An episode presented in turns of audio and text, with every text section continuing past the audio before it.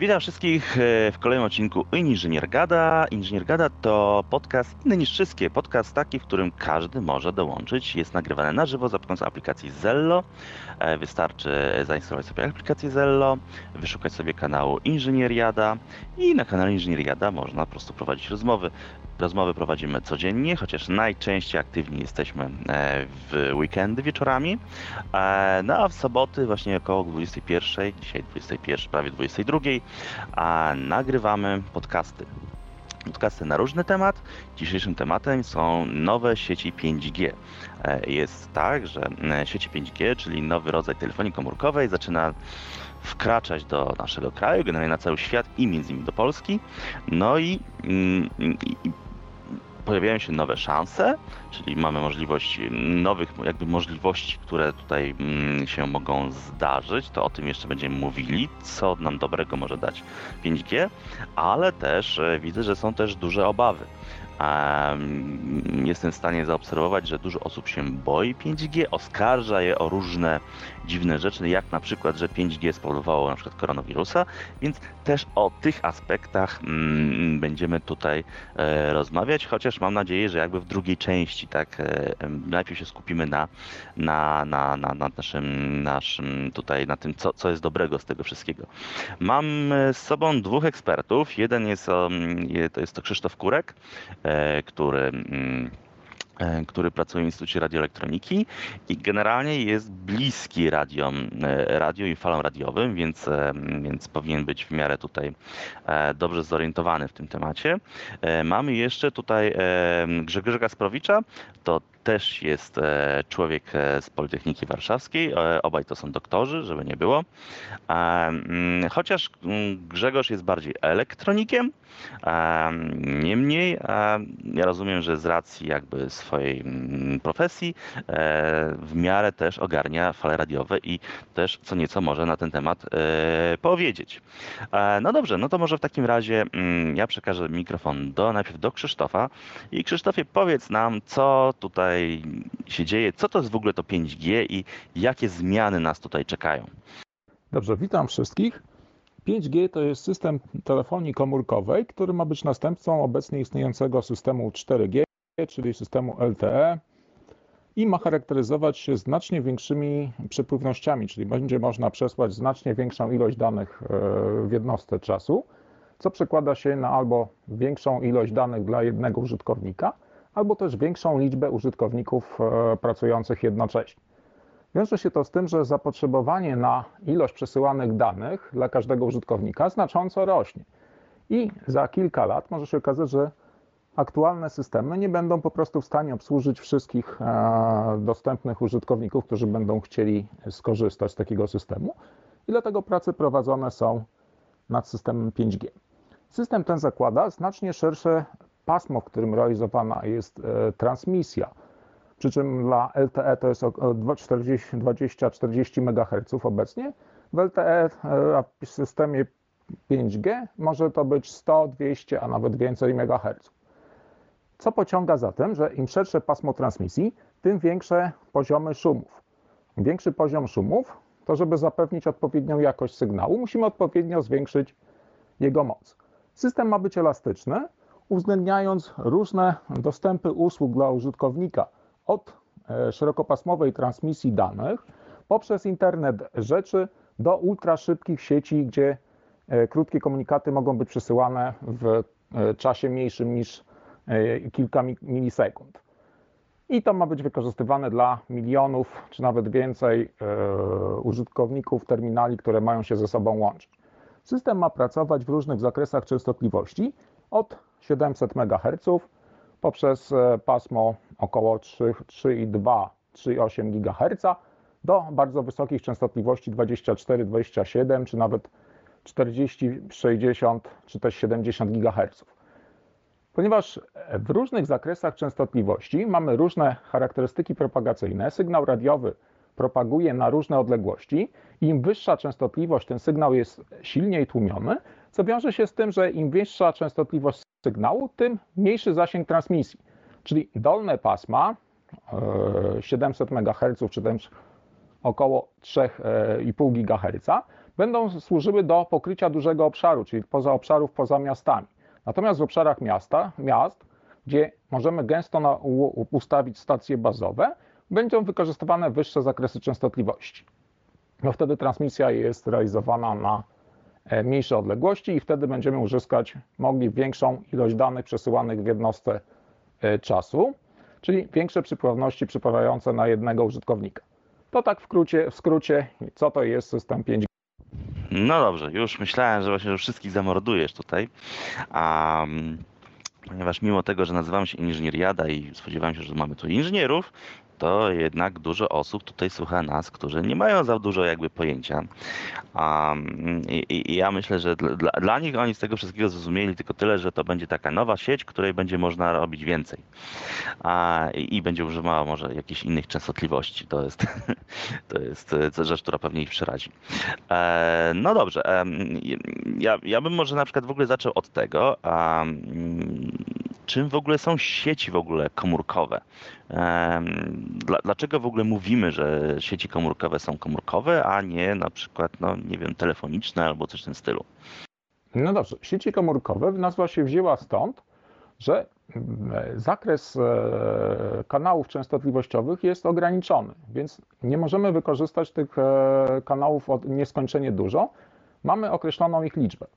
Żeby zapewnić łączność dla wielu użytkowników, czy żeby wiele użytkowników mogło realizować swoje transmisje danych czy rozmowy, trzeba postawić bardzo dużo stacji bazowych, z, którą, z taką stacją bazową e, łączy się każdy telefon komórkowy i wtedy w odległych stacjach, w odległościach na przykład kilkudziesięciu czy kilkuset kilometrów od siebie, można ponownie wykorzystać ten sam, ten sam kanał częstotliwościowy, czy nadawać na tej samej częstotliwości. I wtedy takie sygnały się nie zakłócają. Dzięki temu, jeżeli pokryjemy na przykład powierzchnię Polski e, kilkoma, kilkunastoma tysiącami stacji bazowych, to na całej powierzchni odpowiednio przypisując kanały częstotliwościowe do e, tych stacji bazowych możemy realizować łączność. I wtedy użytkownik telefona, z telefonem komórkowym, będąc w danym miejscu, łączy się z najbliższą stacją e, bazową.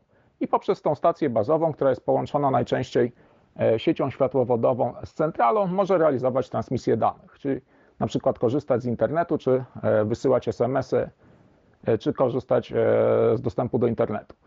Natomiast jeżeli użytkownik się przemieszcza, to następuje przełączenie użytkownika do kolejnej stacji bazowej, w której pobliżu się znajduje.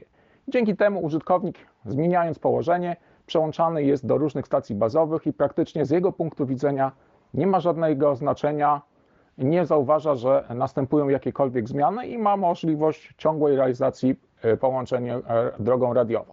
No okej, okay. to ja myślę, że to już będę wiadomo, że chodzi o to, żeby, że mamy, jak mamy telefony komórkowe, to telefony komórkowe nie rozmawiają między sobą, tylko muszą rozmawiać przez wieże, te właśnie, które z tymi antenami, e, które są właśnie stacjami bazowymi, które przekazują tę informację. Dzięki temu zwykle łączność, znaczy zawsze łączność więcej wygląda w ten sposób, że nasz telefon komórkowy łączy się z, wie, z wieżą, wieża się łączy z jakimś centrum, potem centrum się łączy z kolejną wieżą i potem ta wieża łączy się z telefonem komórkowym i w ten sposób tworzymy połączenie.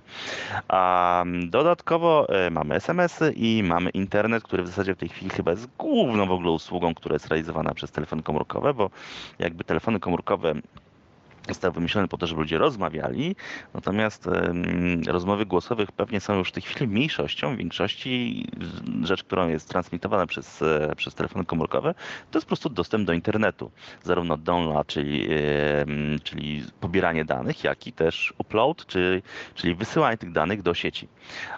No i dobrze, i teraz rozumiem, że ponieważ mamy mm, e, popularność telefonów rośnie, ilość danych e, rośnie, coraz częściej oglądamy sobie E, nie wiem, nie tylko nawet oglądamy strony, ale zaczynamy oglądać filmy, już można Netflixa przecież normalnie na telefonach komórkowych oglądać, czy ludzie podłączają wręcz domy do internetu za pomocą telefonów komórkowych, no to po prostu przepustowość sieci 3G, 4G po prostu już przestaje wystarczać, dlatego wpuszczamy, wpuszczamy sieć 5G, która ma e, większą przepustowość, żeby można było i więcej telefonów wrzucić i jednocześnie, żeby te telefony były szybkie.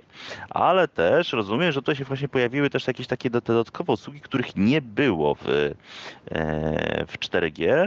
E, to są te usługi, które właśnie zapewniają właśnie mm, e, dostęp do tak zwanej Internet of Things, czyli jakichś małych mm, urządzeń o małym poborze prądu oraz urządzenia, które wymagają krótkiego czasu transmisji, czyli jakby małego opóźnienia. Może najpierw, Krzysiu, porozmawiamy o tych Internet of Things, czyli co to jest właśnie takiego? No to internet rzeczy to są e, możliwość przesyłania krótkich wiadomości między różnymi terminalami. Takie terminale, które wysyłają kilka e, czy też kilkanaście wiadomości w ciągu na przykład jednej minuty, mogą się znajdować w różnych e, urządzeniach powszechnego użytku, na przykład w lodówce, w samochodzie, w telewizorze i wtedy poprzez sieć komórkową wysyłane są różne komunikaty, na przykład działam właściwie, albo też coś nastąpiło nie tak, jest jakaś awaria, wysyłam informację, że taka awaria nastąpiła. Dzięki temu można zbudować rozległe sieci czujników i z jednej stacji, z, jednej, z jednego centrum e, zarządzającego kontrolować wiele różnych e, rzeczy, na przykład różne czujniki na przykład umieszczone na latarniach i informujące o tym, że dana żarówka się przepaliła. Wtedy, jeżeli żarówka się przepali, to wysyłany jest na przykład SMS, że jest e, uszkodzenie, przyjedzie ekipa i wymieni. Dzięki temu można znacząco skrócić czas e, reakcji i też reagować bezpośrednio na różnego rodzaju sytuacje, e, które nie jesteśmy w stanie zdalnie przewidzieć bez właśnie takiej zdalnej kontroli. I ja rozumiem, że jakby w tym wszystkim, jakby, bo, bo przesłanie takiego SMS-a mogło, byłoby było dostępne i w tej chwili, tak? Natomiast ja rozumiem, że jakby nowością w tych usługach jest to, że ten protokół ma być tak zaprojektowany, czy ta sieć w ogóle ma być tak zaprojektowana, że ten Internet of Things, czyli właśnie ten internet rzeczy, ma, jest zaprojektowany do bardzo małego poboru prądu, czyli że jeżeli ten czujnik będzie na przykład to czujnik term, termometr, który gdzieś tam zainstalujemy, włożymy tam baterię, to ta bateria będzie mogła działać miesiącami. Zgadza się? Po prostu, że to nie będzie tak jak telefon, że trzeba będzie ładować codziennie, czy powiedzmy raz na tydzień, jeżeli to jest jeszcze starszy model, a tylko tam będzie można włożyć baterię i ta bateria będzie mogła działać na przykład pół roku albo nawet rok. Tak, zgadza się. Możemy wysłać e, obecnie wiadomość przez e, telefon komórkowy, tylko jeżeli mamy taki mały układ, to on po włączeniu po wybudzeniu się musi się zalogować do sieci, musi przesłać różne komunikaty, wysłać SMS-a i się wylogować. I to zajmuje trochę czasu, zużywa e, energię. Natomiast w sieci 5G ma być to w sposób automatyczny, że układ po wybudzeniu może automatycznie wysłać e, wiadomość i z powrotem przejść w stanu śpienia. Dzięki temu czas pracy na baterii może być bardzo długi, rzędu kilku miesięcy czy nawet e, do roku. Okej, okay, dobra, to mamy o, o obczekanie Internet of Things, a w takim razie jeszcze mamy te sieci, o, mm, te technologie związane z małym opóźnieniem. Tu mówimy o opóźnieniu rzędu jednej milisekundy. E, po co nam to takie właśnie małe opóźnienie? Znaczy to małe opóźnienie związane jest jeszcze z e, drugim parametrem, który, o którym tu nie wspomnieliśmy, to jest duża niezawodność. Czyli sieć, e, wysyłanie, możliwość przesyłania komunikatów z małym opóźnieniem i z dużą niezawodnością. Takie rozwiązanie może być wykorzystywane do nadzoru jakichś e, krytycznych układów, czyli na przykład sterowania światłami, czy też sterowania e, informacji zbieranych z pojazdu, który się porusza z dużą prędkością. Jeżeli komunikaty byłyby wysyłane z dużym opóźnieniem, to po prostu jego na przykład położenie byłoby już za kilka, e, kilkadziesiąt milisekund po prostu nieaktualne. Tutaj właśnie małe opóźnienie i duża niezawodność przesłania informacji, czyli mamy dużą pewność, że informacja, która została wysłana, dotrze do właściwego adresata. Okej, okay, no dobra. To ja tu spróbuję się zapytać Grzegorza, e, który z tego co pamiętam, to pracował kiedyś w, w CERN, a, no i tam różne przesyłane były dane, e, pewnie z określonymi minimalnymi opóźnieniami. Czy w ogóle w jakichś takich usługach, czyli w takich zastosowaniach naukowych e, myśli się o wykorzystaniu 5G właśnie ze względu właśnie na te niskie opóźnienia, czy to jest tylko rozwiązanie, nie wiem, inżynieryjne, nie wiem, dla osób, które grają w gry, a może dla samochodów, które mają być zdalnie sterowane? Co, co o tym sądzisz, Grzegorzu? 5G e, w sytuacji, w aplikacjach naukowych nie, wielkie, wielkiej fizycy, fizyce, czyli w High Energy Physics raczej nie używa się rozwiązań bezprzewodowych z tego względu, że większość instalacji mieści się głęboko pod ziemią i to po prostu nie zadziała. E, I nawet jeżeli się używa sieci bezprzewodowych, to trzeba je, trzeba je przepro, przepropagować za pomocą kabli z góry na dół I właściwie jedyną technologię bezprzewodową, którą znam, która jest używana, to jest GPS, gdzie po prostu jest to używane jako wzorzec, wzorzec czasu. E, w innych aplikacjach naukowych typu quantum computing, no 5G też nie, czy technologie bezprzewodowe to też nie są raczej używane. E, wśród, wśród tak znajomych to najbardziej cieszą się ci, co grają, bo ciężko grać mając pingi po 100 milisekund. Natomiast w aplikacjach takich naukowych, jak ja mówię, to, to, to tam raczej się polega na światłowodów, na światłowodach i opóźnienia, które są wymagane są zdecydowanie niższe niż te, których każda technologia 5G jest w stanie zapewnić.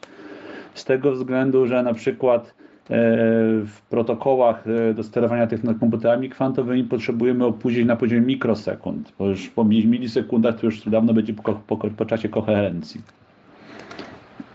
No dobrze, Grzegorzu, a powiedz mi, um, ty jako taki inżynier, jak patrzysz na to, um, to widzisz jakieś zalety właśnie takiego 5G, czy rzeczy, które mógłbyś właśnie wykorzystać?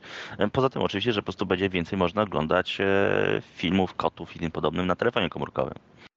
To ma szansę ujednolicić i uprościć świat e, sterowania, czujników, no bo teraz na przykład, jeżeli chcemy sobie podłączyć, nie wiem, jestem rolnikiem i chcę mieć system, który mi mierzy e, wilgotność w roślinkach. Jak sobie taki system zbudowałem, żeby, mieć, żeby nie zapomnieć o jakichś roślinkach, których, nie wiem, się dysza zatkała i nie jest podlewana, więc sobie umieściłem w każdym kwiatku e, czujnik, taki mostek, który mierzy wilgotność. Za pomocą protokołu LoRa jest to przesyłane. W domu mamy LoRa Gateway, który zbiera bateryjka wystarcza na kilka miesięcy albo nawet i na rok pracy. Natomiast to oczywiście potrzebuje bramę, która mi robi, dokonuje translacji pomiędzy tym protokołem LoRa a, a internetem po to, że mogło to trafiać do mojego serwera. Kolejnym jest przykład Zigbee. No mam inteligentny budynek, w którym mam ileś wyłączników, y, mierników i tak dalej. Mam tam Zigbee założone albo Z-Wave, to są takie mikromocowe protokoły i oczywiście do każdego z nich potrzebuję bramę. Jeżeli takie urządzenie chcę na przykład zintegrować sobie mój czujnik mierzący wilgotność kwiatka z, y, nie wiem, z jakimś innym urządzeniem w domu, y, który, kto muszę nie dość, że to, ten sygnał musi trafiać z tego czujnika poprzez LoRa, poprzez router, poprzez znowu przez gateway, znowu na, do gatewaya Zigbee czy Z-Wave I, i, to, i to jest strasznie dużo tych urządzeń, strasznie, strasznie robi się to skomplikowane. Posiadanie jednego spójnego systemu, który byłby w stanie bezpośrednio przekazywać informacje od tych tysięcy urządzeń typu e, Internet of Things do innych urządzeń Internet of Things znakomicie upraszcza strukturę tego, zmniejsza ilość po, pobór mocy, bo nie potrzebujemy tych urządzeń translujących, które umieszczone są pomiędzy, na, na brzegach tych, pomiędzy tymi podsystemami systemami. Także, także jak najbardziej to jest e, świetna, świetna technologia, no, która pozwala znakomicie uprościć, e, uprościć działanie takich systemów. No teraz zresztą wszyscy się doświadczamy ograniczeń technologii LTE czy 4G. No, u mnie w mojej miejscowości całe szczęście ma światłowód, ale jak światłowód czasami się za, za, zamula, to 4G w ogóle nie działa. Nie jestem w stanie nawet e, strony otworzyć internetowej, no bo w obecnej sytuacji, gdy wszyscy siedzą w domu i, wykorzystują internet, po prostu sieć 4G już jest, nie jest w stanie obsłużyć więcej, więcej ruchu. Także to już teraz większość, wielu ludzi potrafi doświadczyć ograniczeń istniejącej technologii. Dobrze, to jeszcze ostatnie pytanie do Ciebie, bo Ty jesteś wielkim zwolennikiem właśnie Internet of Things i masz chyba całkiem inteligentny dom. Czy możesz powiedzieć, co u Ciebie jest inteligentne w domu właśnie, że z sobą mierzysz tego parametry i tak dalej? Ja mam w domu podłączone wszystko, właściwie to się da podłączyć, łącznie z kocią kuwetą, która jest automa automatyczna, autonomiczna i sama się czyści i raportuje, kiedy mi się skończy płyn.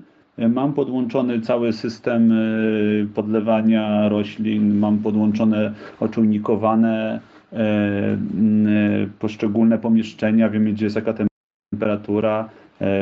Także, także to, ten cały system rozbudowuje. Jest to system oparty głównie o sieć Wi-Fi i, i, i LoRa, no bo one zapewniają dosyć, dosyć łatwość realizacji i dostępność.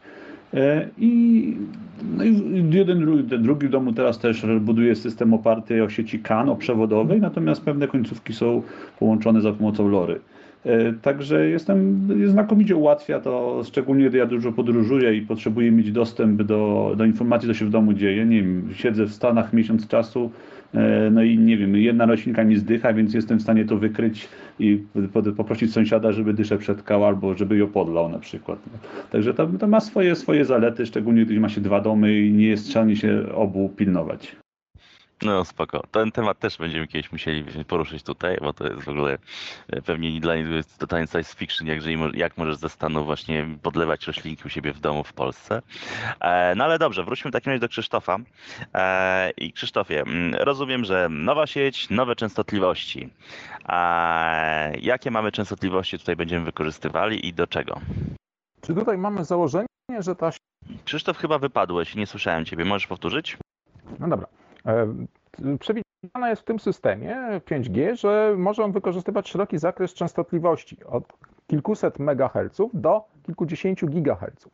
I to zarówno e, pasma licencjonowane, czy przewidziane dla e, systemów radiokomunikacyjnych, takich jak telefonia komórkowa, działająca obecnie w tych pasmach, czy też w przyszłości wyższych, jak i również pasma nielicencjonowane, czyli pasma na przykład tam, gdzie pracują sieci bezprzewodowe WLAN, i wtedy e, stacja bazowa 5G może wykorzystać taką, takie e, pasma nielicencjonowane dla realizacji łączności e, z terminalem zamiast korzystać z sieci komórkowej.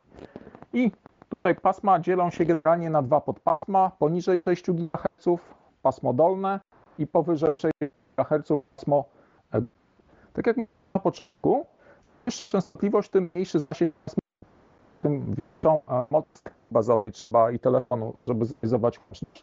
Dlatego niskie zakresy częstotliwości przewiduje na pokrycie obszarów. Wtedy tam e, jest na odległości kilku, e, kilometrów i wtedy stawiamy.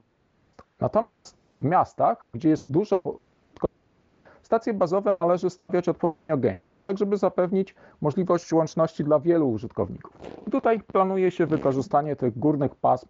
E, obecnie w Polsce ma być to pasmo 24-27 e, GHz. Natomiast w przyszłości mają być pasma rzędu 40, 50 czy nawet 70 e, GHz. Dobrze, jeśli możesz powtórzyć jeszcze tę e, swoją wypowiedź na temat niskich częstotliwości, tych poniżej 6 GHz, a no bo tam akurat właśnie zabrakło ci chyba trochę pasma i zacząłeś być wycinany. Czy w paśmie poniżej 6 GHz, czy to pasmo, gdzie teraz e, pracują aktualne systemy komórkowe, czyli 800, 900 MHz, 2,1, 2,6 GHz.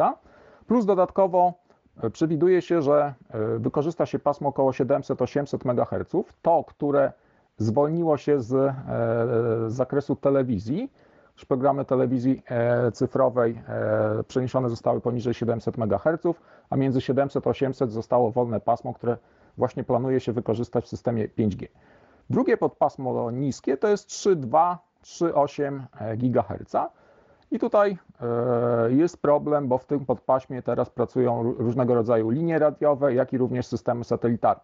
Więc trzeba zapewnić kompatybilność między systemem 5G a obecnie działającymi systemami. I tu się zakłada, że na tych dolnych pasmach stacje bazowe będą stawiane dość rzadko, rzędu kilku e, do 10 kilometrów, i będą obsługiwały dość duże obszary.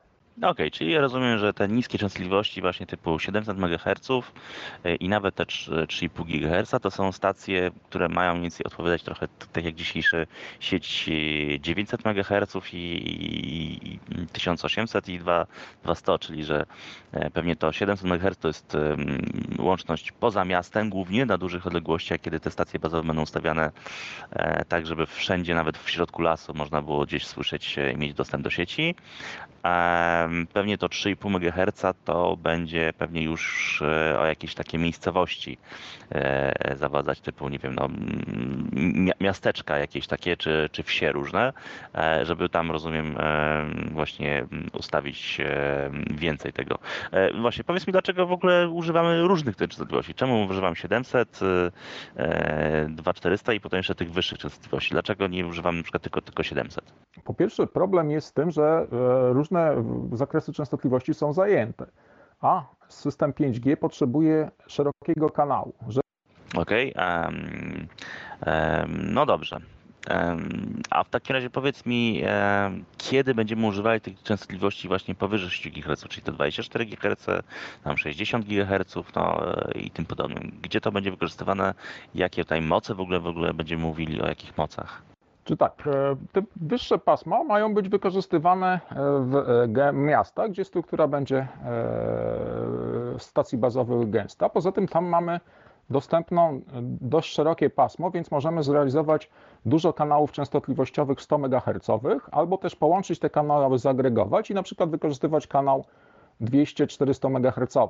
Dzięki temu w takim kanale możemy zrealizować transmisję z przepływnościami rzędu kilku gigabitów na sekundę, czyli obsłużyć dużą liczbę użytkowników. Natomiast zakłada się, że w pierwszym etapie to e, sieć 5G będzie budowana na zakresach e, około 3,2-3,8 GHz. No okej, okay, czyli rozumiem, że 700 MHz poza miastem, 3,5 GHz będzie pewnie w miastach. Czyli w sumie bardzo podobnie do tego, co było do tej pory, gdzie mieliśmy 900 MHz i 1800, 2100 czy 2200 jakoś tak. Um, no dobrze, a teraz powiedz mi, jak to wygląda z mocami? Gdzieś tutaj właśnie czytałem, że podobno sieci 5G będą używały większych mocy niż te sieci 4G. Tak, e, moce będą większe, bo to wynika z tego, że transmisja w szerszym paśmie, jeżeli chcemy zachować jakość, e, taką samą jakość sygnału, wymaga większej mocy nadawanego sygnału. Czyli jeżeli zwiększamy kilkukrotnie szerokość pasma, to jednocześnie musimy kilkukrotnie zwiększyć e, moc transmitowanego sygnału, tak żeby zachować jego jakość określoną przez na przykład stosunek mocy sygnału do mocy szumu, który w tym paśmie się pojawi podczas tego, odbioru tego sygnału. Czyli szersze pasmo, większa e, moc sygnału. Jeżeli mocy nie zwiększyli, to w szerszym paśmie musielibyśmy e, przez mniejszą ilość informacji, czy tutaj nie, nie wykorzystalibyśmy tego zysku z tego, że e, mamy szersze pasmo do realizacji No dobrze, to w takim razie, skoro będziemy używać większej, większej mocy, no to prawdopodobnie e, jest to przyczyna, dla której ludzie mm, mm, zaczynają się obawiać sieci 5G, y, no bo jest jakaś taka naturalna obawa właśnie, że promieniowanie mikrofalowe może być szkodliwe. I, i tutaj a takim właśnie zawsze koronnym przykładem jest to, że na przykład mikrofalówki zabijają życie, bo jak wkładam coś do mikrofalówki, to tam wszystko się gotuje i, i, i w takim razie ta większa moc na tych masztach, to od razu nam, ja tak trochę parafrazuję, trochę się śmieję z tego, ale właśnie pojawia się taki że no, ugotują się mózgi, wszyscy dostaniemy raka i, i, i tym podobne. Jak, jak to wygląda w rzeczywistości? Na, na ile te nowe sieci rzeczywiście będą dla nas groźne? No, ja się nie mogę wypowiadać na temat, czy będą groźne, czy nie, ponieważ ja się zajmuję sprawami technicznymi. Natomiast są prowadzone różne badania dotyczące wpływu promieniowania właśnie na organizmy żywe. I teraz e, im wyższa częstotliwość, tym wyższa energia niesiona przez e, falę elektromagnetyczną i e, ze względu na efekt naskórkowości fala taka wnika na mniejszy, mniejszą głębokość w ciało, w. Przy czym doświadczenia są prowadzone głównie na małych zwierzątkach, takich jak myszy, szczury czy króliki, więc tutaj ciężko to później przełożyć na to, jakby taka fala elektromagnetyczna wpływała na człowieka. Natomiast są badania, przynajmniej e, znam z literatury, które wskazują jednak oddziaływanie elektromagnetycznej na organizm nie tylko ciemne, tak jest uznane w normach maksymalne ale też oddziaływania na przykład na komórkowy, gdzie pod wpływem promieniowania następują różne zmiany e, w komórkach. Natomiast jakie i, jak to wpływa na zdrowie człowieka, nie mogę się wypowiadać, bo się na tym nie znam. Natomiast te wysokie częstotliwości rzędu kilkudziesięciu gigaherców powodują głównie efekty naskórkowe. Jednak jak przeprowadzono badania, okazało się, że kanaliki potowe w skórze stają się wtedy dla tych częstotliwości takimi zestawami antenek i fala radiowa może wnikać głębiej pod skórę, co może powodować różne efekty E, niekorzystna dla zdrowia człowieka. No dobrze, a mm, powiedz mi w takim razie, czy ktoś kontroluje w takim razie takie instalacje, żeby one były bezpieczne? właśnie, czy, czy, i, czy, czy jest to jakby jakaś totalna samowolka? Czy po prostu, po prostu operator po prostu instaluje takie systemy na dachu i, i to po prostu, i, po prostu używa tyle, ile potrzebuje tej mocy? Nie no, każdy operator, który postawi stację bazową w określonym miejscu, musi przeprowadzić testy środowiskowe i pokazać, że spełnione są parametry opisane przez e, normy, czyli poziom promieniowania nie przekracza wartości granicznych. Bo jeżeli przekracza wartości graniczne, to trzeba zmniejszyć moc promieniowanego sygnału, tak żeby e, te normy były spełnione. Natomiast problem pojawia się z tym, że chcąc uruchomić sieci 5G, podwyższono normy e, promieniowania, które są dopuszczalne. Te e, podwyższenia są nawet 10 czy wielokrotnie, czy ponad 10 razy większe, tak żeby można było właśnie e, wykorzystać zalety sieci 5G i realizować transmisje z dużymi przepływnościami. Natomiast jak to wpłynie na zdrowie człowieka, nie, jest, nie mogę się wypowiadać, bo się na tym nie znam. Ja powiem, że nie jesteś jakby ekspertem od, mm, od, mm, od bezpieczeństwa sieci 5G, prawda, czy wpływu na, na organizmy ludzkie. Nie? A ja powiem tak, że rzuciłem okiem na taki raport, który został przygotowany i generalnie w tym raporcie mówi się o czymś takim, e, że mm, podstawowym rozdzieleniem jeżeli chodzi o fale radiowe, to znaczy zacznijmy od tego, że w ogóle mówimy fale radiowe to jest bardzo szeroki zakres tych fali. Mówimy tutaj zarówno o falach, które e, używamy do zwykłego radia e, czy, czy, czy, telewizji, to są właśnie te megaherce. Mówimy o paśmie mikrofalowym, czyli, e, czyli to jest zakres właśnie takich właśnie mm, gigaherców powiedzmy, tak? od 1 tam do 30, do, do, do, do, nawet do 300 gigaherców. Potem mamy, to są nadal fale radiowe, tylko coraz większa częstotliwość. Mamy e, pasmo podczerwieni, e, które gdzieś się tam kończy, ja tutaj musiałem to spojrzeć sobie, ale gdzieś tam chyba około 300 e, teraherców. I potem mamy po 300 terahercach, zaczyna nam się pasmo widzialne, które idzie gdzieś chyba do 800 teraherców. Powyżej 800 teraherców zaczyna się nam pasmo ultrafioletowe, które też jest światłem jeszcze, tylko, tylko jest już niewidzialnym i na przykład od, od, od tego, od, od, od 800, od 800 THz zaczynamy się opalać, a potem, jak się kończy ultrafiolet, mamy pasmo X, czyli promieniowanie rentgenowskie. To jest nadal fala radiowa, która jest przenikliwa e, i możemy sobie na przykład robić zdjęcie rentgena. A potem mamy e, promieniowanie gamma, jest jeszcze wyższą częstotliwość, to jest chyba już ektoherce, jeśli prawidłowo czytam jednostkę. No i tam już mówimy o, o, o, w zasadzie to jest promieniowanie, które, które wytwarzane jest właśnie tutaj w jądrach atomów e, podczas ich rozpadu i ono jest już e, wręcz bardzo zabójcze. I cały myk polega, w tym wszystkim problemu polega na tym, e, że jeżeli mamy, mówimy o świetle, to światło wysyła swoje, swoją moc czy swoją energię w postaci fotonów, czyli inaczej to się mówi o tym, że to są, to są po prostu takie porcje, porcje energii, e, to są kwanty energii. E, I pan Planck określił kiedyś, jaka jest, jaka jest, jaka jest energia niesiona przez taki, taki kwant energii. I to jest po prostu energia, to jest stała planka, która jest bardzo mała, razy częstotliwość. To znaczy, że każda częstotliwość ma inną niesioną energię e, i dla pewnych zakresów mm, jakby mm, ta, czym niższa częstotliwość tej energii jest mniejsza, czym wyższa, tym jest coraz większa. Wokoło, jak przekraczamy granicę około 800 teraherców, czyli właśnie wchodzimy w ultrafiolet, energia pojedynczego e, właśnie tego fotonu zaczyna przekraczać około 1 elektronowolta. Zaczyna mówić tam 2, 3, 5, 10 elektronowoltów.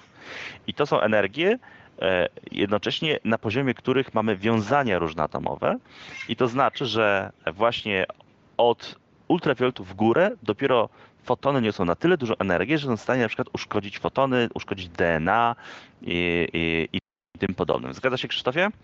Tak, zgadza się. No dobrze. Um, moment, ja tu muszę się chwilkę zająć chyba córką, za chwilkę wracam. Tylko dodam, że to, co, co Marcin powiedział, e,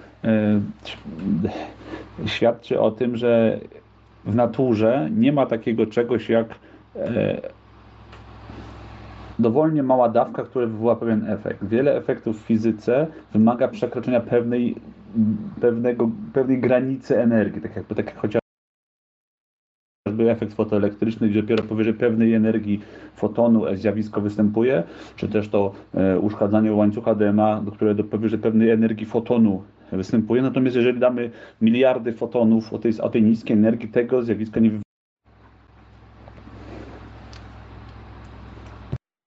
Czy było słychać, co powiedziałem przed chwilą? Ja nie słyszałem. Dobra, bo w takim razie na dwa razy nacisnąłem. Chciałem powiedzieć, że wiele zjawisk w, w przyrodzie e, wymaga przekroczenia pewnej e, energii fotonu. Nie chodzi o energię wniesione przez fale, tylko energię niesione przez poszczególne fotony. Tak samo mamy zjawisko fotoelektryczne, które wywoływane dopiero po przekroczeniu właśnie tej energii fotonu, które wynika z częstotliwości oraz stałej Plancka, czy wzór, wzór, wzór jest określony, wzór na energię tego fotonu. I tak samo ten zrywanie łańcuchów DNA wymaga obecności fotonów o energii większej niż, czyli dopiero będzie się odbywało dopiero przy, przy promieniowaniu UV. Natomiast nawet jak damy bardzo dużo, miliardy fotonów E, o niższej częstotliwości, także energia efektywna będzie ta sama, to zjawisko nie wystąpi, ponieważ nie zostaje przekroczona ta granica. Właśnie i tak samo nabyśmy, nawet jakbyśmy, nie wiem, w syntezie jądrowej mieli, yy, dostarczali fotony o energii niższej, a natomiast byłoby ich dużo, dużo więcej, tej syntezy nie wywołamy. Dopiero przekroczenie pewnej energii powoduje, że ta synteza e, zachodzi. Dlatego właśnie e, nawet jeżeli będziemy używać bardzo dużej długości, bardzo dużej, bardzo dużej ilości tych fotonów promieniowania elektromagnetycznego, to nadal nie jesteśmy wywołać pewnych efektów no, ze względu na zjawiska kwantowe. No ja tutaj powiem jeszcze tak, mm, jakby na taką analogię, e, no to mm, przykładem jest to, że chcemy na przykład zapalić kartkę papieru, czy gazetę na przykład papierową. I a jeśli weźmiemy zapałkę, którą zapalimy, no to taka zapałka dostarcza energii powiedzmy na poziomie 10 watów, pewnie nie więcej, i zapalimy tą gazetę bez problemu ponieważ właśnie ta, te, te, te, te, atomy, które są tam, e, czy te kwanty, które są dostarczane, są wystarczająco jakby silne, że mają dużą energię, tak że są w stanie zainicjować reakcję chemiczną i rozpocząć e, proces spalania tego papieru. Jeśli weźmiemy sobie grzejnik elektryczny, który ma moc rzędu 2 kW, czyli ma rzęd 200 razy więcej mocy niż taka zapałka, to choćbyśmy nie wiem ile tych grzejników wzięli, każdy z nich będzie miał temperaturę pewnie jakieś 60 stopni, to dowolna liczba grzejników nie spowoduje, że papier się zapali. Mimo, że będzie dostarczać dużo więcej mocy, to, e, no to papier się po prostu nie zapali, po prostu bo będzie za niska temperatura. I tak mniej więcej właśnie działa to w tym świecie kwantów, czyli musimy mieć odpowiednią ilość energii, czyli odpowiednią częstotliwość, żeby coś się zdarzyło. Czyli, że raka się nie dostaje o do tego, że nie wiem, mamy e, mamy e, blisko ciała e, jakieś właśnie jakieś promieniowanie powiedzmy megahercowe. E, natomiast jeżeli wyjdziemy sobie na słońce i dostaniemy właśnie promieniowanie powyżej 800 teraherców, czyli właśnie ultrafiolet, no to w tym momencie możemy dostać na przykład raka skóry właśnie, bo ta energia niesiona przez promieniowanie ultrafioletowe i wyższe i właśnie promieniowanie X, promieniowanie gamma jest w stanie zmienić na przykład e, strukturę naszych białek. Chodzi o to po prostu, że jest w stanie wybić elektrony e, z orbit właśnie atomowych, co spowoduje, że atomy staną się jonami. Mówimy wtedy właśnie, że to jest promieniowanie jonizujące i taki atom jest w stanie właśnie zareagować chemicznie, zmienić swoją strukturę, odłączyć się na przykład od łańcucha DNA. Hmm, chyba, chyba zrozumiałem, o co w ogóle chodzi z tymi protestami.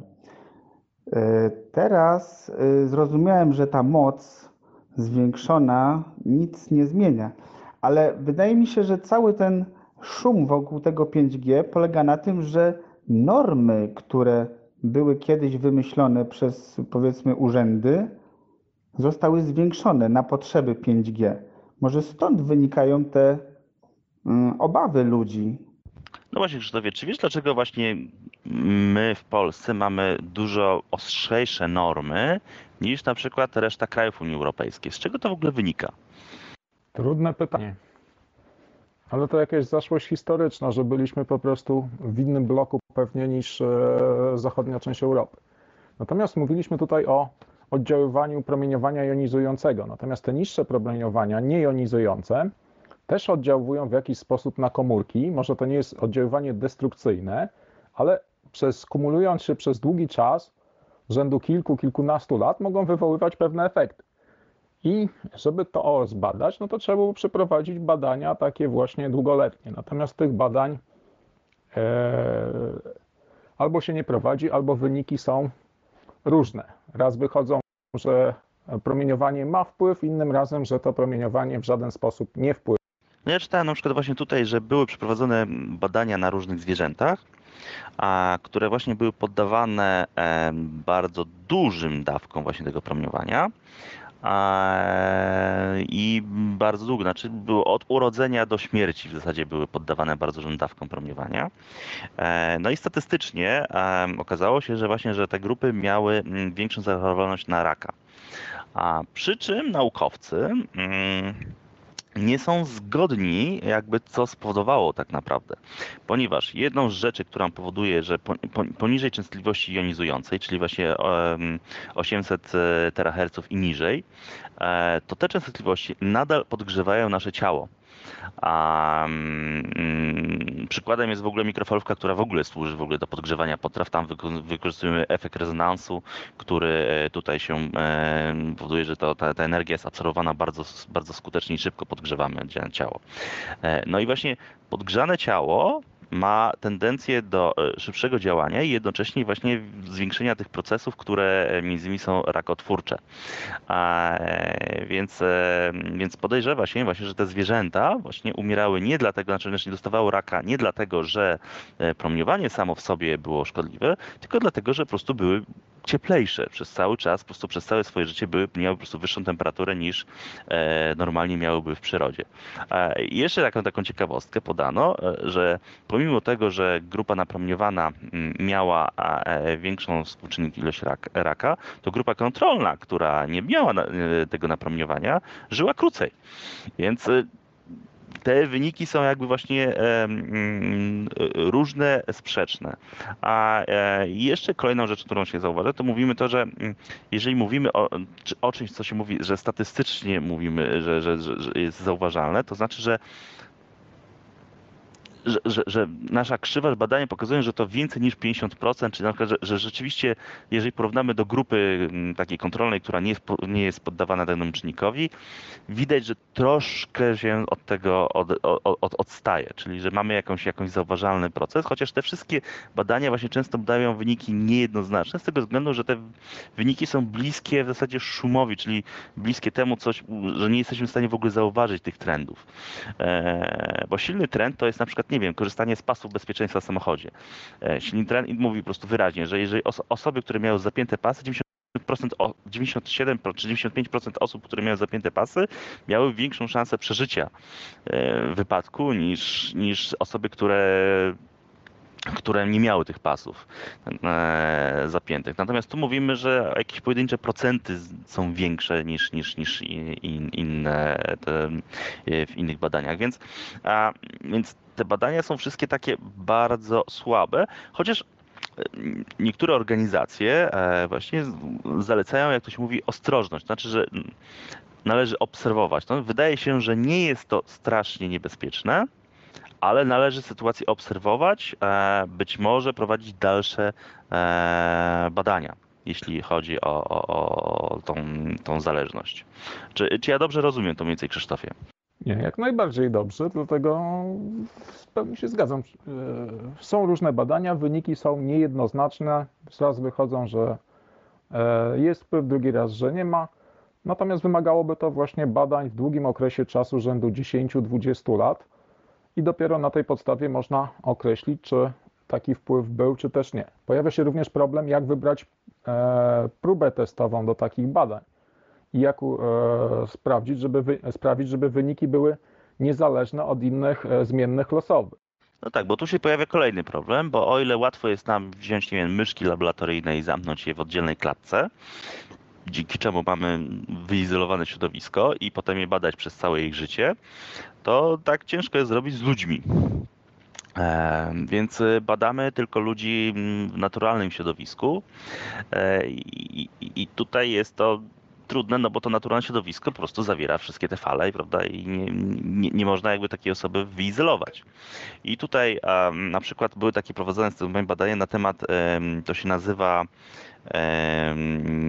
elektro czułości, czy elektro... jakoś tak. W razie osoby, które teoretycznie czują fale radiowe i mają z tym, z tym problemy i tam zgłaszane są, że takie osoby na przykład gorzej śpią, e, albo słyszą jakieś szumy w głowie e, właśnie z powodu fal radiowych. I tutaj na przykład przeprowadzono jakieś takie badania pod tytułem właśnie, że poddawano takie osoby czynnikom i, i, i, i, i, i tak zwanej też ślepej próbie i wychodziło na to, że takie osoby najczęściej odczuwały te jakby czynniki e, wtedy, kiedy były świadome tego, że, e, że, że to promieniowanie jest. Kiedy próba była ślepa, a nawet podwójnie ślepa, bo właśnie nawet, nawet osoba, która, bo jest tak, że próba, próba ślepa to jest taka wtedy, kiedy e, osoba badana nie wie, czy jest poddawana czynnikowi, czy nie, a próba podwójnie ślepa to jest wtedy, kiedy nawet badacz prowadzący badania nie wie też, e, czy, czy, mm, to, mm, czy, czy, czy, czy osoba jest poddawana czynnikowi, czy nie. Chodzi o to, żeby badacz nawet swoim zachowaniem nie wpływał na taką osobę, to wtedy wyniki były całkowicie, znaczy przy podwójnej próbie e, mm, było już to, wyniki całkowicie losowe, czyli takie osoby w ogóle nie wykrywały, czy są pod wpływem czynnika, czy nie.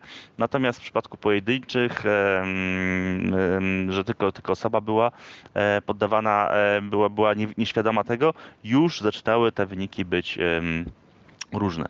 I tutaj mówimy na przykład o takich też takich właśnie też szerokich badaniach pod tytułem, że na przykład badane osoby mówią na przykład, że w mieście to im się źle, no, źle się im e, e, żyje, źle się śpi, ale jak na przykład wjadą na wieś, e, no to tam zdecydowanie lepiej im się śpi. No i tu jest właśnie oczywiście pytanie, czy w mieście dlatego, że w mieście jest większe nasycenie promieniowania elektromagnetycznego, a na wsi rzeczywiście to promieniowanie jest mniejsze, czy może e, wynika to z tego, że po prostu w mieście na przykład jest gorsze powietrze, jest, jest większy hałas, a na wsi jest czystsze powietrze, człowiek jest bardziej zrelaksowany i dlatego na przykład lepiej śpi. Jakby te badania właśnie nie odpowiadają na takie pytania, tylko mówią właśnie, że takie osoby właśnie w mieście na przykład gorzej śpią, a na wsi śpią lepiej. Nie, no tak, no bo to zależy od wielu innych zewnętrznych czynników, których nie jesteśmy w stanie określić w czasie badania. Natomiast sam wpływ sugestii jest bardzo duży. Jeżeli osoba na przykład wie, że mieszka naprzeciwko stacji bazowej, będzie się źle czuła, no to prędzej czy później na pewno jakąś chorobę złapie, niekoniecznie związaną z e, wpływem promieniowania. No dobrze, to ja może w takim razie do Grzegorza, ten pewnie będzie wiedział na to pytanie odpowiedź. Um, a jak to jest, um, jeśli chodzi o moc nadawczą? No bo mamy stację bazową, mamy e, terminal, czyli nasz telefon komórkowy, no i dużo osób uważa, że czym bliżej jest takiego masztu, e, tym jest e, to napromieniowanie jego większe. A czy to jest prawda, czy jednak należałoby to inaczej rozumować?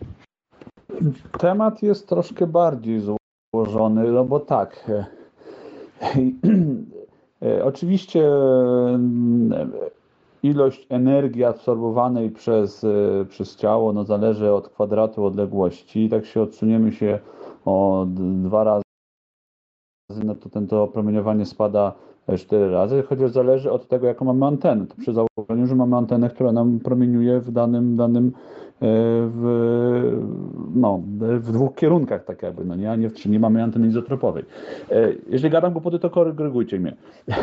E, natomiast sprawa jest troszkę bardziej złożona, ponieważ ty Krzysztof powiedział, że to ale być ma w 5G używamy szerszego pasma, no nie, natomiast przez to musimy zwiększyć moc, natomiast widmowa gęstość mocy, czyli ilość mocy przypadająca na megahertz wcale nie musi być większa. Co też oznacza, że taka stacja 5G może zajmować ileś kanałów zwykłej sieci komórkowej, czy może zajmować ileś kanałów y, telewizyjnych. Przedtem te, tam, na tych częstotliwościach był nadawany sygnał i taka stacja nadawcza nadawała ten sygnał z dużo większą mocą. Taki nadajnik potrafił mieć megawaty mocy. Pamiętajmy, i on na tych kilkuset MHz, tych 700 MHz nadawał cały czas przez lata i te kury jednak się niosły i, i krowy mleko dawały. Natomiast teraz sieć, sieć 5G, ona zajmie kilka pasm telewizyjnych, no nie, czyli nada, będzie nadawać trochę mniejszą mocą, e, tylko że no, bliżej antena będzie, bo nikt nie stawia takich masztów, no oprócz Pałacu Kultury i Nauki, nie, w środku miasta. E, także ta widmowa gęstość mocy może być zbliżona, wcale nie musi być dużo, dużo mniejsza. Nie no tak, rzeczywiście tak jest. No. Widmowa gęstość mocy może zostać na stałym poziomie, natomiast ponieważ mamy szersze pasmo, więc sumaryczna moc jest odpowiednio większa. To przy założeniu, że przedtem był jeden nadajnik i teraz mamy jeden nadajnik. Jeżeli przedtem w tym paśmie pracowało wiele nadajników pracujących, nadających poszczególne kanały telewizji analogowej, a teraz je wyłączyliśmy, zastąpiliśmy jednym nadajnikiem, to ta ilość mocy, która przypada na dany, na dany przedział częstotliwości może być zbliżona. To jeszcze zależy od tego, jak gęsto będziemy stacje bazowe stawiać, bo jeżeli zagęścimy, tak jak planuje się w miastach, że to będzie na każdej latarni, no to w tym momencie y, mamy bardzo dużo stacji i ta moc będzie sumowana z tych stacji i może się okazać, że będzie większa niż w przypadku od jednej stacji o dużej mocy, ale która była gdzieś tam położona kilometr czy półtora kilometra dalej. Tak, natomiast taki odbiornik to, jest, to, to nie jest tak, że mamy starą telewizję analogową, czyli mieliśmy nadajnik stałej mocy, który ładował te megawaty i natomiast y, ilość stosunek sygnał szumu w odbiorniku regulowaliśmy wielkością i zyskiem anteny. Tutaj mamy sytuację z nadajnikami, które są inteligentne i ta ilość mocy nadawczej będzie zawsze taka, żeby zapewnić optymalny SNR. Czyli yy, nie będzie sensu nadawać, yy, no nie wiem, latarnia, a latarnia przy jednym, w jednym miejscu będzie łączyć się z telefonem kilka metrów od siebie, więc będzie tej mocy ładować bardzo mało. Natomiast latarnia następna będzie się łączyć z drugim telefonem, też kilka metrów od siebie i też ta moc będzie dużo, dużo mniejsza. Ta moc, ten, ten, ten, ten nadajnik nie będzie musiał ładować tej mocy na ślepo. No jeszcze jakby dodam do tego wszystkiego, że um, rozumiem, że stacja nadawcza to jest jedno źródło, a drugim źródłem jest telefon komórkowy. Jaka będzie różnica właśnie jakby w dawce, którą otrzymamy od, w zależności od telefonu komórkowego, a mm, jaka będzie mm, e, od stacji nadawczych. Chodzi o to, czy co więcej nas napromieniuje, czy telefon, który mamy w ręce, czy ta antena, która nawet będzie na, nawet na latarni. Krzysztof, jak to będzie? To zależy w jakiej odległości będziemy od latarni. Generalnie telefon mamy przy uchu, więc jeżeli on nadaje, to ilość energii, którą absorbujemy od telefonu jest większa. Natomiast e, prowadzenie rozmowy przez telefon, czy momentów, kiedy on nadaje, to jest ograniczone w czasie. Rozmawiamy przez kilkanaście, kilkadziesiąt minut, natomiast jak korzystamy z internetu, to głównie ściągamy do siebie, natomiast mało rzeczy, mało informacji wysyłamy. Natomiast stacja bazowa pracuje cały czas. Więc jeżeli znajdujemy się blisko stacji bazowej, na przykład mamy mieszkanie naprzeciwko, to w tym momencie jesteśmy yy, ciągle narażeni na to promieniowanie. Tak, natomiast sieć 5G, o ile, o ile jeżeli gadam głupoty, to mnie skoryguj, albo będzie, albo już teraz ma beam steering, czyli ona potrafi wiązkę kierować w kierunku odbiornika. To nie jest tak jak 4G, czyli ładuje w całą moc w całym sektorze, tylko ta moc jest skupiana w danym kwadracie, powiedzmy, czy danym, na danym obiekcie, który się porusza nawet. Także człowiek, który mieszka obok tej stacji, o ile nie włączy telefonu, to nawet specjalnie nie będzie rykoszetem dostawał e, tej, tą wiązką, która jest nieprzeznaczona dla niego. Tak, jest to prawda, że tam będzie sterowanie wiązką, dość wąską wiązką. Czyli wąska wiązka oznacza, że jest więcej energii promieniowane w małym kącie przestrzennym. Czyli jak ktoś jest poza wiązką, to nie jest narażony na promieniowanie. Problem ma ten, który się znajduje w wiązce głównej. Czy na przykład, jeżeli dużo użytkowników zgromadzi się w jednym miejscu i jedna stacja bazowa będzie ciągle promieniowała do wszystkich w tym samym kierunku, to po drodze osoby, które się znajdą na drodze, no, narażone są na duże promieniowanie.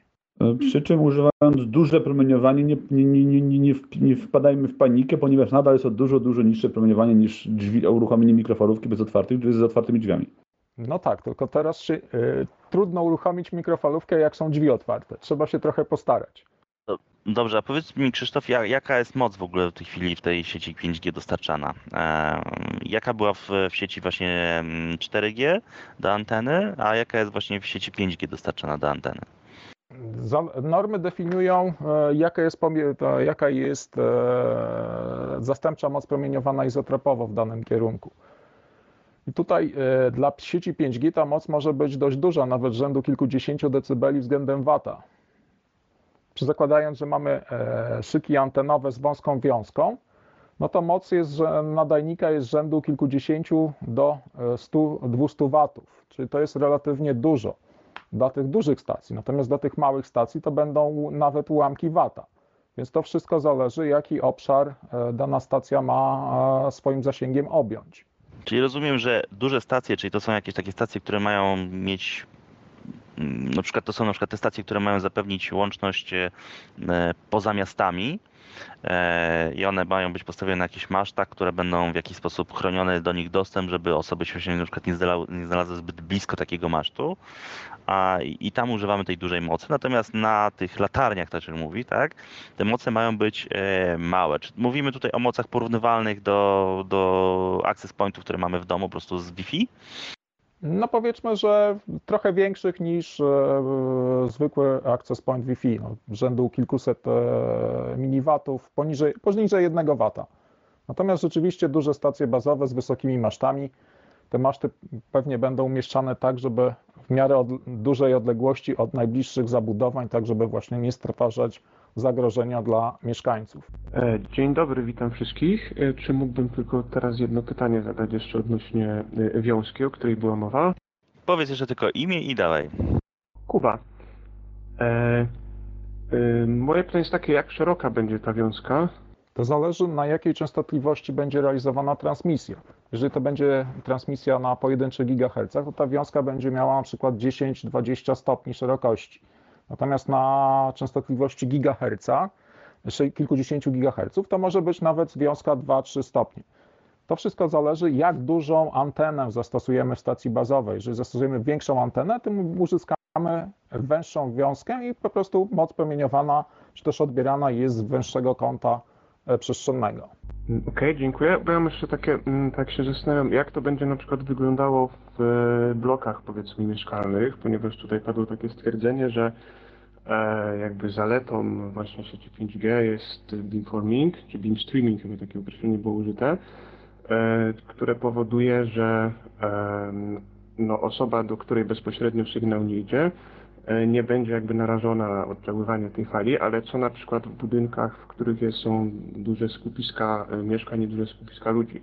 Czy jakby to jest brane pod uwagę, czy po prostu, e, no jeżeli akurat ktoś będzie miał pecha i na przykład będzie powiedzmy miał sypialnię e, pomiędzy e, taką, dajmy na to, stacją na latarni, a osobą, która intensywnie korzysta z sieci 5G, no to akurat i tak będzie po prostu cały czas e, no, na linii się znajdować. Tak, będzie się wtedy znajdować na linii, ale w systemie 5G transmisja nie jest realizowana w sposób ciągły. Tam są sloty czasowe. I na przykład jeden użytkownik dostaje e, sygnał w pewnej paczce co określoną i e, określony czas, więc jak jest więcej użytkowników wokół stacji bazowej, no to ona będzie przełączała te wiązki w różnych kierunkach i tylko przez na przykład jedną dziesiątą czasu e, będzie świeciła w kierunku tego użytkownika. I na razie dziękuję. Co automatycznie oznacza, że on dostanie 10 razy mniejszą dawkę. Można? No dawajcie, po prostu mów, mówcie tylko ten imię i, i, i zadawajcie pytanie. E, e, witam e, wszystkich z tej strony Paweł e, SQ5 Tadeusz Dorota Paweł. E, chciałem przy okazji złożyć życzenia e, wszystkiego dobrego. Marcinowi dzisiaj jest e, Międzynarodowy e, Dzień Krótkofalowca. Chciałem dodać je- jedną rzecz. Ja miałem tą przyjemność, że w Polsce i, i, i za granicą pracowałem na masztach telekomunikacyjnych. No i ta niechęć do, do, do nowych technologii pamiętam od zawsze. Pamiętam jak było wprowadzone 3G to y, za granicą. Na przykład y, miasta były obanerowane i, y, i nie, nie, nie wpuszczali nas. Nie, nie chcieli nam wy, wy, hoteli wynajmować, a nawet rzucali kamieniami do, do osób pracujących na, na, na wieżach. Ja myślę, że to, że minie ten czas, kiedy ten, kiedy, kiedy y, ta obawa y, będzie odczuwalna z biegiem czasu po prostu. Ludzie są przyzwyczajeni do technologii i wręcz są uniezależnieni. No. Nie, no tak, znaczy Czyli zgodnie z tą zasadą, czyli że wprowadzamy jakąś technologię i obserwujemy, tak? Jeżeli miałoby się pojawić a, jakiekolwiek e, niepokojące zjawiska, e, to rozumiem, że wtedy interweniujemy. Natomiast e, jeśli wszystko będzie wszystko zgodnie jakby ze sztuką, no to nie powinno żadnych być, chociaż oczywiście wdrożeniem każdej technologii e, wiąże się jakieś tam ryzyko i nie mówimy tylko o promieniowaniu właśnie mikrofalowym, ale nie wiem, wprowadzenie nowego rodzaju plastiku, e, czy nie wiem, nowego rodzaju kleju, e, czy nowego rodzaju napoju. Wszystko jakby może się wiązać z jakimś ryzykiem, prawda, bo jest to nowe i, i podczas wdrażania trzeba zachować pewną ostrożność, jakbyśmy obserwować, czy na pewno wszystko jest w porządku. E, no i jeżeli jest wszystko w porządku, no to potem się już ludzie przyzwyczajają i stwierdzają, że jakby nic się nie dzieje, prawda, możemy żyć dalej. E, ogólnie myślę, że to się zgadza. Z tym, że nie wiem jak było z wcześniejszymi e, generacjami telefonii komórkowej, natomiast teraz trzeba przyznać, że sporo naukowców e, jest dość niechętnych e, tej technologii. To naukowców zajmujących się badaniem wpływu pola elektromagnetycznego na zdrowie człowieka. Może, może źle powiedziałem, może nie tyle niechętnych, co podkreślających dość często, że ta technologia jednak nie jest zbyt dobrze zbadana. Ze względu na te większe moce ciężko jest oszacować, jaki będzie wpływ tej technologii na nasze zdrowie właśnie e, w okresie długo, długofalowym. No i wielu naukowców twierdzi, że jednak powinniśmy e, się wstrzymać na razie, przynajmniej do czasu jakiegoś tam dokładniejszego zbadania tej technologii. Ja myślę, że stąd też w przypadku 5G e, spora część obaw się bierze. Również mnie to dotyczy, wcześniej się zbytnio nie interesowałem wpływem. No i gdyby nie to, że wielu naukowców nie, faktycznie tych badań trochę jest e, z niekorzystnymi wynikami e, z punktu widzenia no, osób chcących wprowadzać tę technologię, to też bym powiedzmy obiekcji nie miał, no ale jeżeli, ja wychodzę z takiego założenia, że jeżeli naukowcy mają obiekcje i obawy, no to myślę, że e, no, co najmniej powinno się z taką technologią uważać. To też jakby potwierdzę, przy czym też należy rozumieć, w jaki sposób naukowcy mm, zwracają uwagę, że należy jakby uważać, a jaka jest rzeczywiste jakby zagrożenie. Popatrz na przykład, jak tutaj Krzysztof mówi. Krzysztof na przykład mówi, że ponieważ nie jest ekspertem od badań biologicznych, to on w zasadzie nie, jest, nie powinien się wypowiadać na temat właśnie wpływu promieniowania elektromagnetycznego na organizm żywy, no po prostu, bo bo nie studiuje tego tematu, tak? Nie zajmuje się, to nie jest jego życie, żeby jakby ten temat mm, jakby roz, e, roz, rozpoznawać, chociaż no, przeczytał ileś artykułów e, na ten temat, jest inżynierem, prawda, pracuje w tym środowisku, musi trochę na tym znać, tak? Musi wiedzieć, w jaki sposób siebie chronić, e, żeby na przykład siebie nie uszkodzić. E, musi wiedzieć na przykład, dlaczego na przykład nie powinien wchodzić w wiązkę bardzo silnego promieniowania, bo na przykład może spowodować to, że po prostu się zwyczajnie poparzy. Są na przykład takie mm, e, fragmenty tutaj ciała, na przykład nasze oko, które ma duże unerwienie pod względem, żeby wykrywać światło, ale chyba tam w ogóle w oku nie ma żadnego unerwienia, które informuje na przykład nas o bólu. E, no po prostu, bo się już tych, tych, tych nerwów tam jakby nie, nie dało wcisnąć, tak? Nasza, nasza matka natura już tam ich nie wcisnęła. Efekt jest taki, że właśnie wprowadzenie mm, oka w silne promieniowanie mikrofalowe, mówimy silne na przykład o kilowatach nawet, e, może spowodować na przykład, że nam się właśnie oczy ugotują ale to są sytuacje właśnie bardzo ekstremalne, gdzie e, właśnie mamy strefę jakby bezpieczeństwa wokół takiej anteny, żeby właśnie nikt tam się nie powinien pojawić w najbliższej strefie, kiedy antena jest włączona. Potem jest jakaś taka strefa, która, e, w której mogą przebywać tylko pracownicy, czyli osoby, które są przeszkolone z tego, zdają sobie z zagrożeń, prawda, i wiedzą na przykład, ile mogą tam przebywać, jak długo mogą przebywać i gdzie mogą w zasadzie w tej strefie przebywać. No i po prostu mamy potem strefę bezpieczną, gdzie po prostu jest dla wszystkich jakby dostępne, gdzie wszystkie osoby mogą przebywać i nie ma tutaj, nie, nie, nie ma żadnych jakby takich zagrożeń, chociaż jak to mówię, naukowcy zwracają uwagę, że należy być ostrożnym, bo nie wiemy wszystkiego, tak? to jest, to jest, to jest dokładnie jak, to, tak jak należy powiedzieć, że należy być ostrożnym na i uważać na meteoryty, bo nie wiadomo, czy na przykład przypadkiem kiedyś jakiś nas meteoryt nie spadnie nam głowę i nie zrobi nam krzywdy. No tylko pytanie, czy zwracamy na to uwagę na co dzień. 30 lat temu, jak rodzice kupili mikrofalówkę, to też było, że e, raka wszyscy będziemy mieli, że umrzemy. Jak stawiali elektrownie atomowe, to też były protesty, że wszystki, wszystkich skazi te promieniowanie rakotwórcze i jakoś nic takiego się nie stało. To wszystko działa. Protesty były, są i będą. Chciałbym właśnie podkreślić to, że u nas wielu naukowców jest celebrytami a, i ba bardzo wyskakują poza swoją działkę. Natomiast dzisiejszy świat jest tak skomplikowany, że nawet dwóch elektroników nie jest w stanie ze sobą się porozumieć. Mikrofalowiec z specjalistów, specjalistą od e, programowania systemów budowanych mogą zupełnie gadać różnymi językami. Co więcej, dwóch biologów, e, biolog ewolucyjny z biologii molekularnym w ogóle mogą się nie dogadać. A co bardziej, a co, a co, a co gorzej, jak ten jeden biolog miałby się wypowiadać o, drugo, o temacie pracy drugiego. Także należy bardzo uważać, z jakimi, jaki naukowiec, jakie ma kompetencje i czy on się wypowiada w, w zakresie swoich kompetencji. E, w pełni się z tym zgadzam.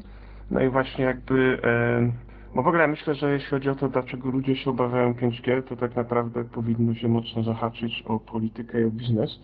Nie wiem, czy jakby ta rozmowa ewentualnie miałaby wejść na te tematy, ale E, przykładowo jakiś czas temu, to już była mowa o tym, zostały u nas podniesione normy promieniowania elektromagnetycznego dość mocno, właśnie po to, żeby można było wprowadzić technologię 5G. No i przykładowo swój sprzeciw wysłał Instytut Medycyny Pracy w Łodzi, Polskie Towarzystwo Badań Radiacyjnych, mam nadzieję, że nazwy nie przekręcam, instytucja o skrócie CIOP, to jest Polski Instytut Badawczy, niestety wyleciała mi z głowy pełna nazwa, No i to tam naukowcy, którzy zajmują się jednak, z tego co wiem, tematyką wpływu PEM, byli e, przeciwni e, takiemu podnoszeniu norm, jakie, e, jakie e, proponowało Ministerstwo Zdrowia. I na przykład takim pośrednim jakby e, rozwiązaniem, żeby no można było tą sieć 5G powiedzmy zacząć wprowadzać przynajmniej w niektórych miejscach, w niektórych sytuacjach, tam gdzie ona jest najbardziej niezbędna, żeby jednocześnie no,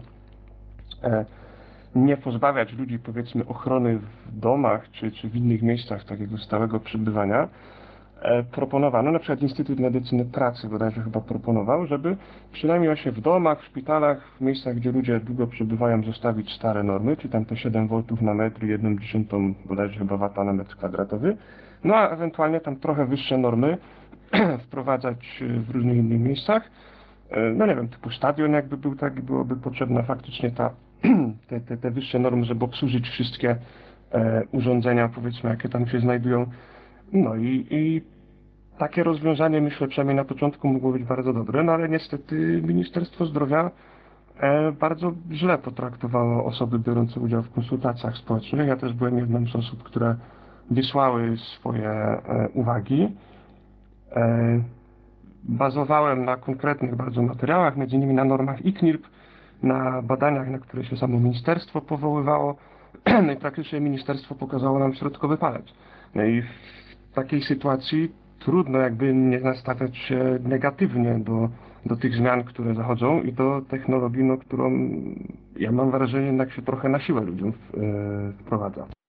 Znaczy może nie jest to na siłę, jest po prostu to rozwiązanie, mm, rozwiązanie po prostu rozwijamy się po prostu, tego, tego nie, nie widzimy na, na, co dzień, znaczy może, może teraz na przykład zauważamy, że właśnie, że pewne sieci zaczynają być przeciążane, um, kiedy właśnie wszyscy siedzą i, i korzystają z internetu. Um, natomiast no rzeczywiście mm, wypadałoby, żeby takie ministerstwo nie traktowało jakby wszystkich osób z obawami, w sposób e, macoszy, tak? Znaczy, że po prostu, że ignorowało jakby i przepychało jakby te e, jakby niektóre wydarzenia, czy, czy właśnie czy przepisy w sposób jakby bezkrytyczny, czy bez, bez komentarza. Um, oczywiście większa byłaby pewnie obawa, kiedy byśmy wprowadzali normy powyżej norm europejskich, czyli jakby byśmy byli jakby tymi pionierami w wprowadzaniu właśnie tych wyższych norm.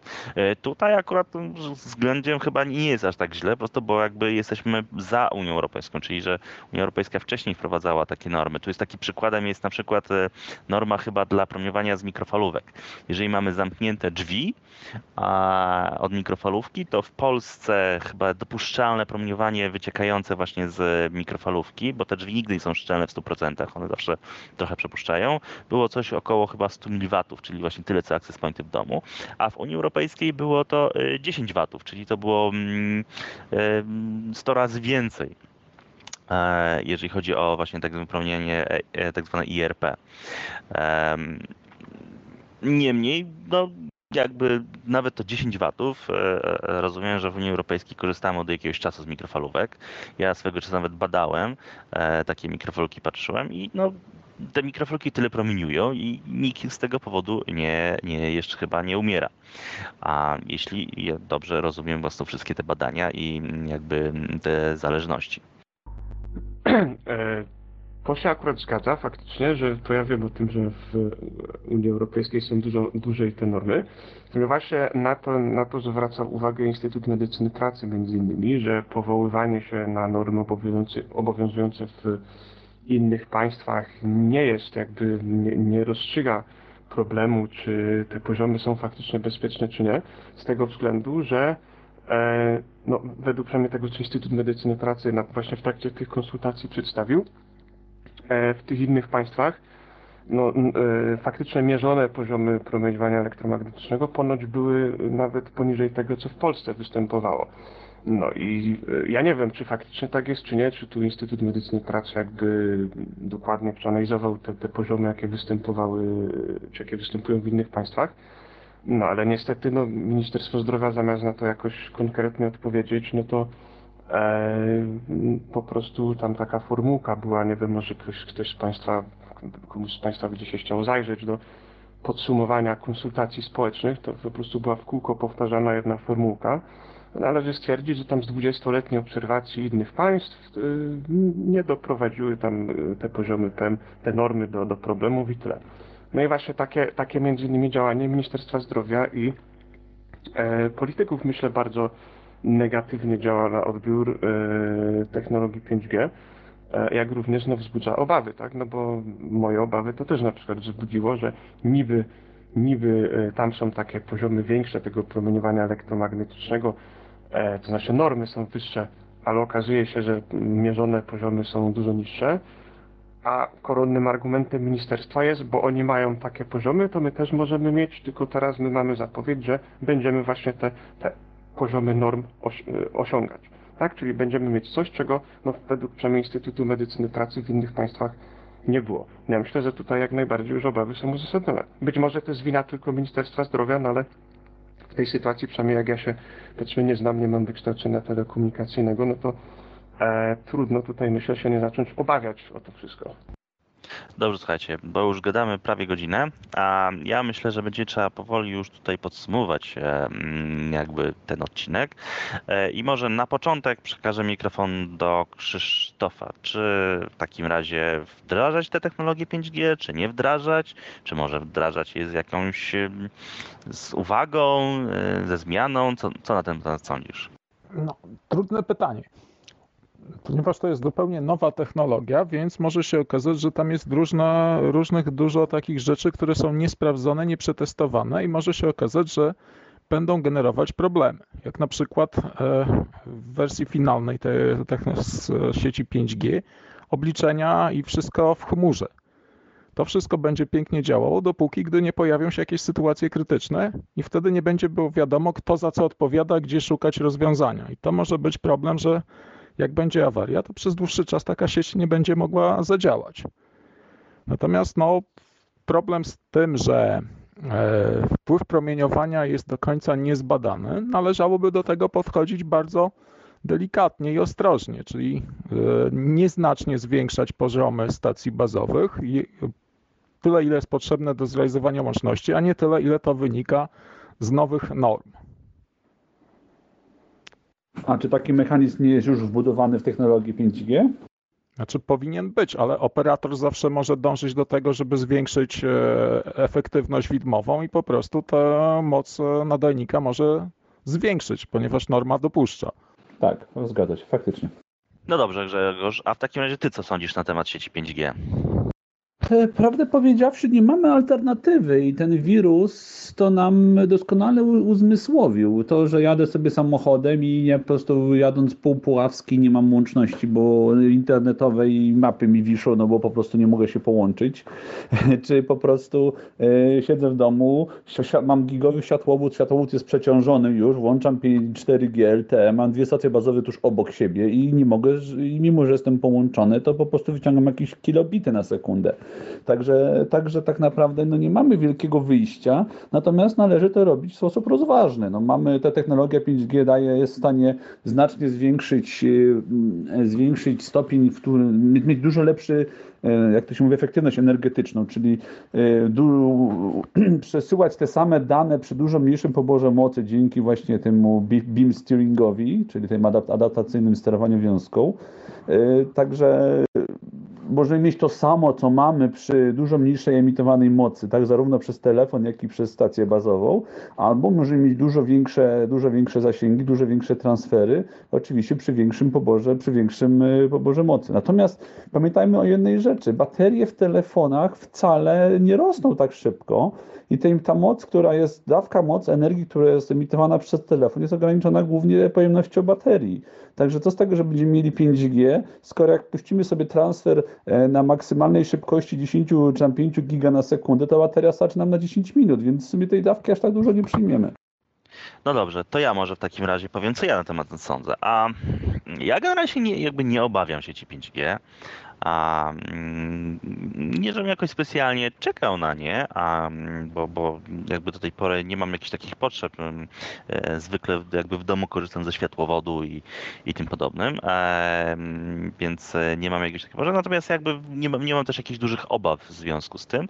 Chociaż oczywiście w związku, że to wprowadzamy nową technologię, a, no to jak w każdym właśnie, zwłaszcza w tak globalnym wprowadzeniu tej technologii, po prostu, bo ta technologia wchodzi na całym świecie, naukowcy powinni jakby bacznie przyglądać się e, i jeśli tylko zauważą jakiekolwiek jakieś zmiany mm, czy, czy zagrożenia, powinni po prostu te rzeczy zgłaszać i powinni i potem ustawodawcy powinni szybko reagować, czy, czy, mm, czy osoby zajmujące się kontrolowaniem jakby takich sieci szybko e, powinni reagować. Tutaj też uspokoję ileś osób, no bo w Polsce na przykład UKE działa w ten sposób, że jeżeli, jeżeli jakiś, nie wiem, osoba, która dostarcza jakąś taką moc, e, czy, czy, czy e, gdzieś sygnał właśnie i z jakiegoś powodu na przykład taki operator źle ustawi, nie wiem, maszt i gdzieś te, te normy są przekraczane, no to um, to, e, no to po prostu e, przyjeżdża UKE, robi, robi pomiary i zgłasza, że trzeba po prostu taki maszt zmniejszyć, zmniejszyć jego moc. Tak. A jeśli chodzi o te zagrożenia, które tutaj nam słuchawcy zgłaszają, no to należy pamiętać, że to są, to są badania, które są robione w dużo większych mocach, które wskazują rzeczywiście, że takie dużo większe, mówimy tu o milionie razy na przykład często większa moc jest e, zadawana na przykład na zwierzętach i zauważane są pewne zmiany. Więc e, na, nadal do, do, do, tego miliona razy mamy duży, duży zapas. Tutaj na razie zwiększamy tą moc tam mniej więcej chyba 10 razy w niektórych przypadkach właśnie tych stacji, a, natomiast do miliona razy nam jeszcze daleko, daleko tutaj brakuje. E, więc e, pod tym względem też jeszcze mamy tutaj duży e, zakres bezpieczeństwa. No i będziemy to obserwować. Zawsze się zdarzą oczywiście osoby, które obawiają się takich rzeczy. Ja tu można poszukać różnych właśnie artykułów na ten temat. Są artykuły, które właśnie takie nawet takie zbiorcze e, badania. Spróbuję tutaj pod, pod tym podcastem wrzucić kilka linków, e, żeby można było poczytać. To są naprawdę takie bardzo zaawansowane analizy. E, niektóre nawet w miarę językiem takim przystępnym napisane, że każdy może je sobie poczytać. I E, I tyle, i zobaczymy, co nas e, tu czeka. Ja rozumiem, że 5 sieci 5G już się pojawiły w zasadzie, już pierwsze e, sieci komórkowe wdrażają jakby to rozwiązanie a, i, i można już pierwsze telefony komórkowe kupować w, w, tym systemie i już z nich korzystać. No i z czasem jakby ten standard pewnie będzie rozbudowany, a już w kolejce czeka sieć 6G, czyli za chwilkę będziemy mieli obawy pewnie przed wdrażaniem sieci 6G.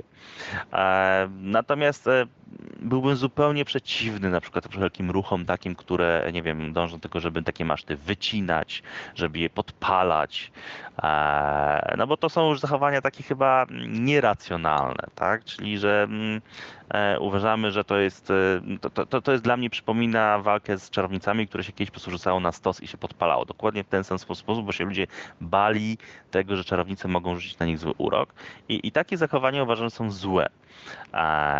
Natomiast ostrożność jak najbardziej zalecana, tak? Czyli obserwujemy i patrzymy, czy rzeczywiście te obawy naukowców, które, które cały czas są, jak mówię, obawami, a nie jakby takimi sprawdzonymi rzeczywistością, że, e, że ten wpływ rzeczywiście będzie dla nas szkodliwy,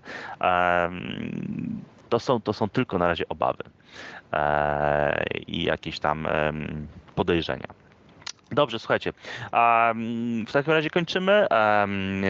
Ja już tylko przypomnę wszystkim, że e, to był podcast Inżynier Gada, e, w którym mieliśmy tutaj, rozmawialiśmy mm, z mm, dwoma gośćmi, e, czyli Krzysztofem Kurkiem i Grzegorzem Kasprowiczem z Politechniki Warszawskiej oraz innymi gośćmi, którzy tutaj byli na kanale i za którym bardzo dziękuję. Tu chyba był Paweł i Krzysztof jeszcze, rozmawia- jeszcze mówili, jeśli się nie pomyliłem. them. Um, Ten podcast będzie można e, słuchać e, w różnych e, mediach. Będzie można go słuchać i na, na iTunesie, i na SoundCloudzie, i w Spotify'u, ale też oczywiście na YouTubie będzie wrzucony, więc każdy będzie mógł sobie słuchać w różnych mediach. Na kolejny podcast zapraszam, jak w każdą tutaj sobotę wieczorem. Każdy może do niego dołączyć, tak jak widzicie, goście po prostu uinstalują sobie aplikację Zello, wchodzą na kanał Inżynier Jada i mogą sobie po prostu zadawać pytania naszym gościom. Dlatego warto do tego dołączyć. A oczywiście też zapraszam na wszystkie inne jakby kanały, typu właśnie YouTube, typu Facebook, grupa Inżynier Jada na Facebooku. Wszystkie informacje znajdziecie na stronie inżynieriada.pl, czy in, inżynieriada przez z zwykłe, a nie rzecz z kropką.pl. Tam na stronie głównie znajdziecie wszystkie informacje o tym, jak e, tutaj dostać się do różnych kanałów, a jak klikniecie sobie zakładkę podcast, to będziecie wiedzieli, jak tutaj dostać się na sam podcast, e, tutaj nasz inżynier gada. I tyle. Życzę wszystkim e, miłego wieczoru i do następnego razu. Trzymajcie się, hej!